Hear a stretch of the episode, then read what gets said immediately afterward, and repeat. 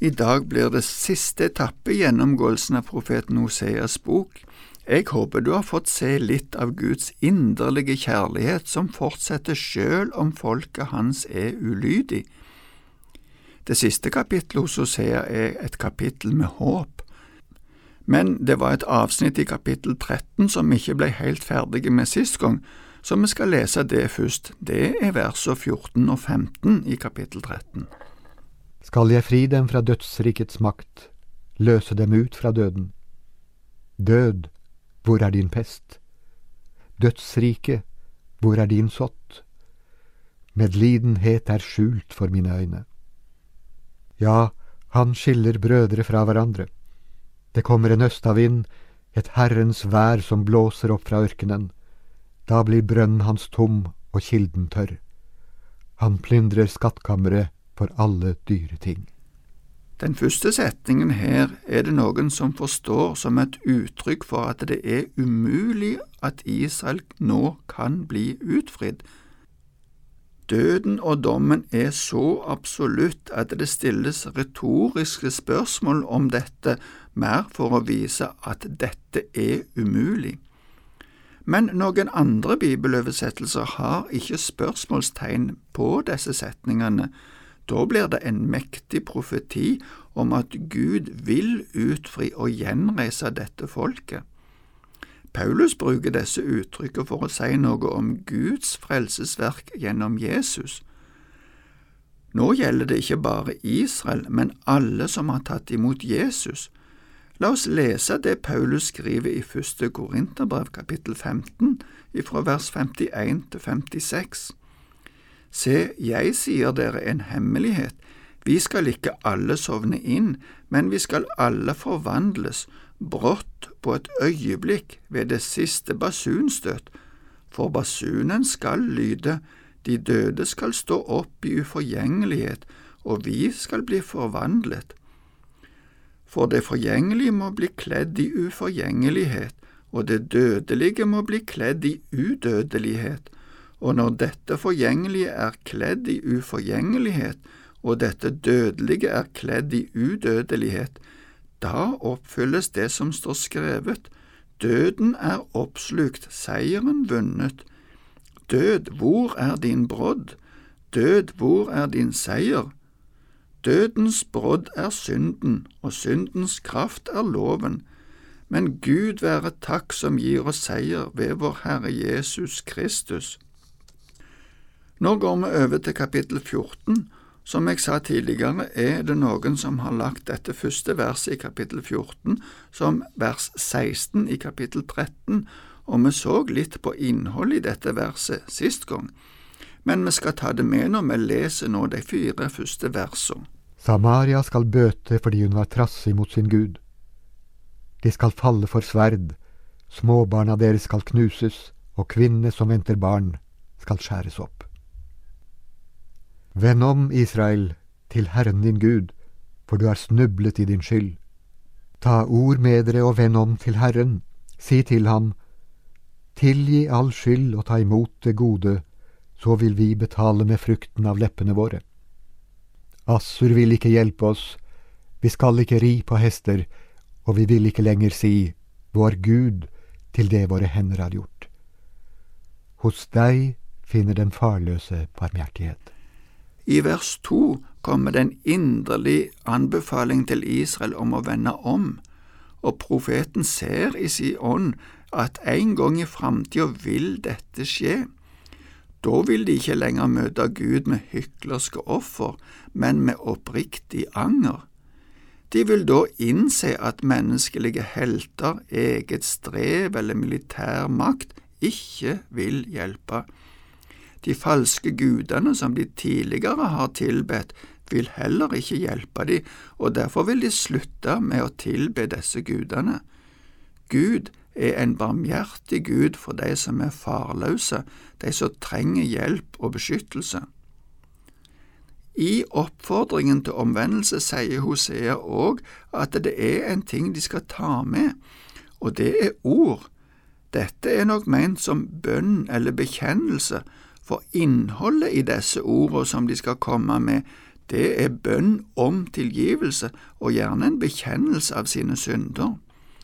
Dette vil føre til en spesiell frukt av leppene, som det står.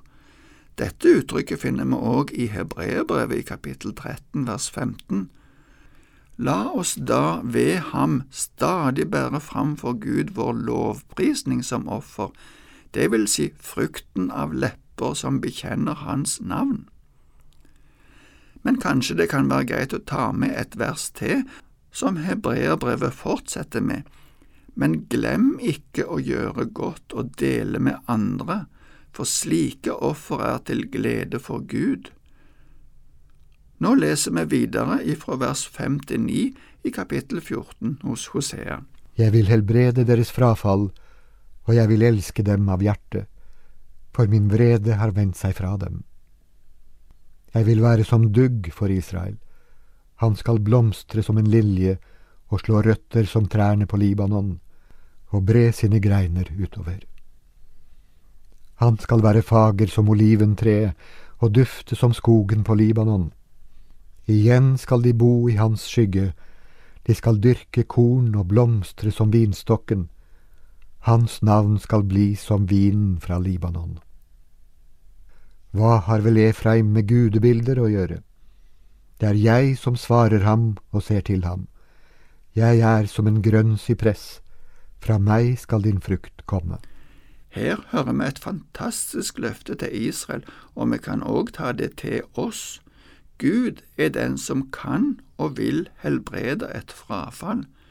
Gud elsker av hjerte, eller inderlig, men før vi sier noe mer om det utsagnet at vreden har vendt seg ifra de, skal vi si litt mer om denne inderlige kjærligheten.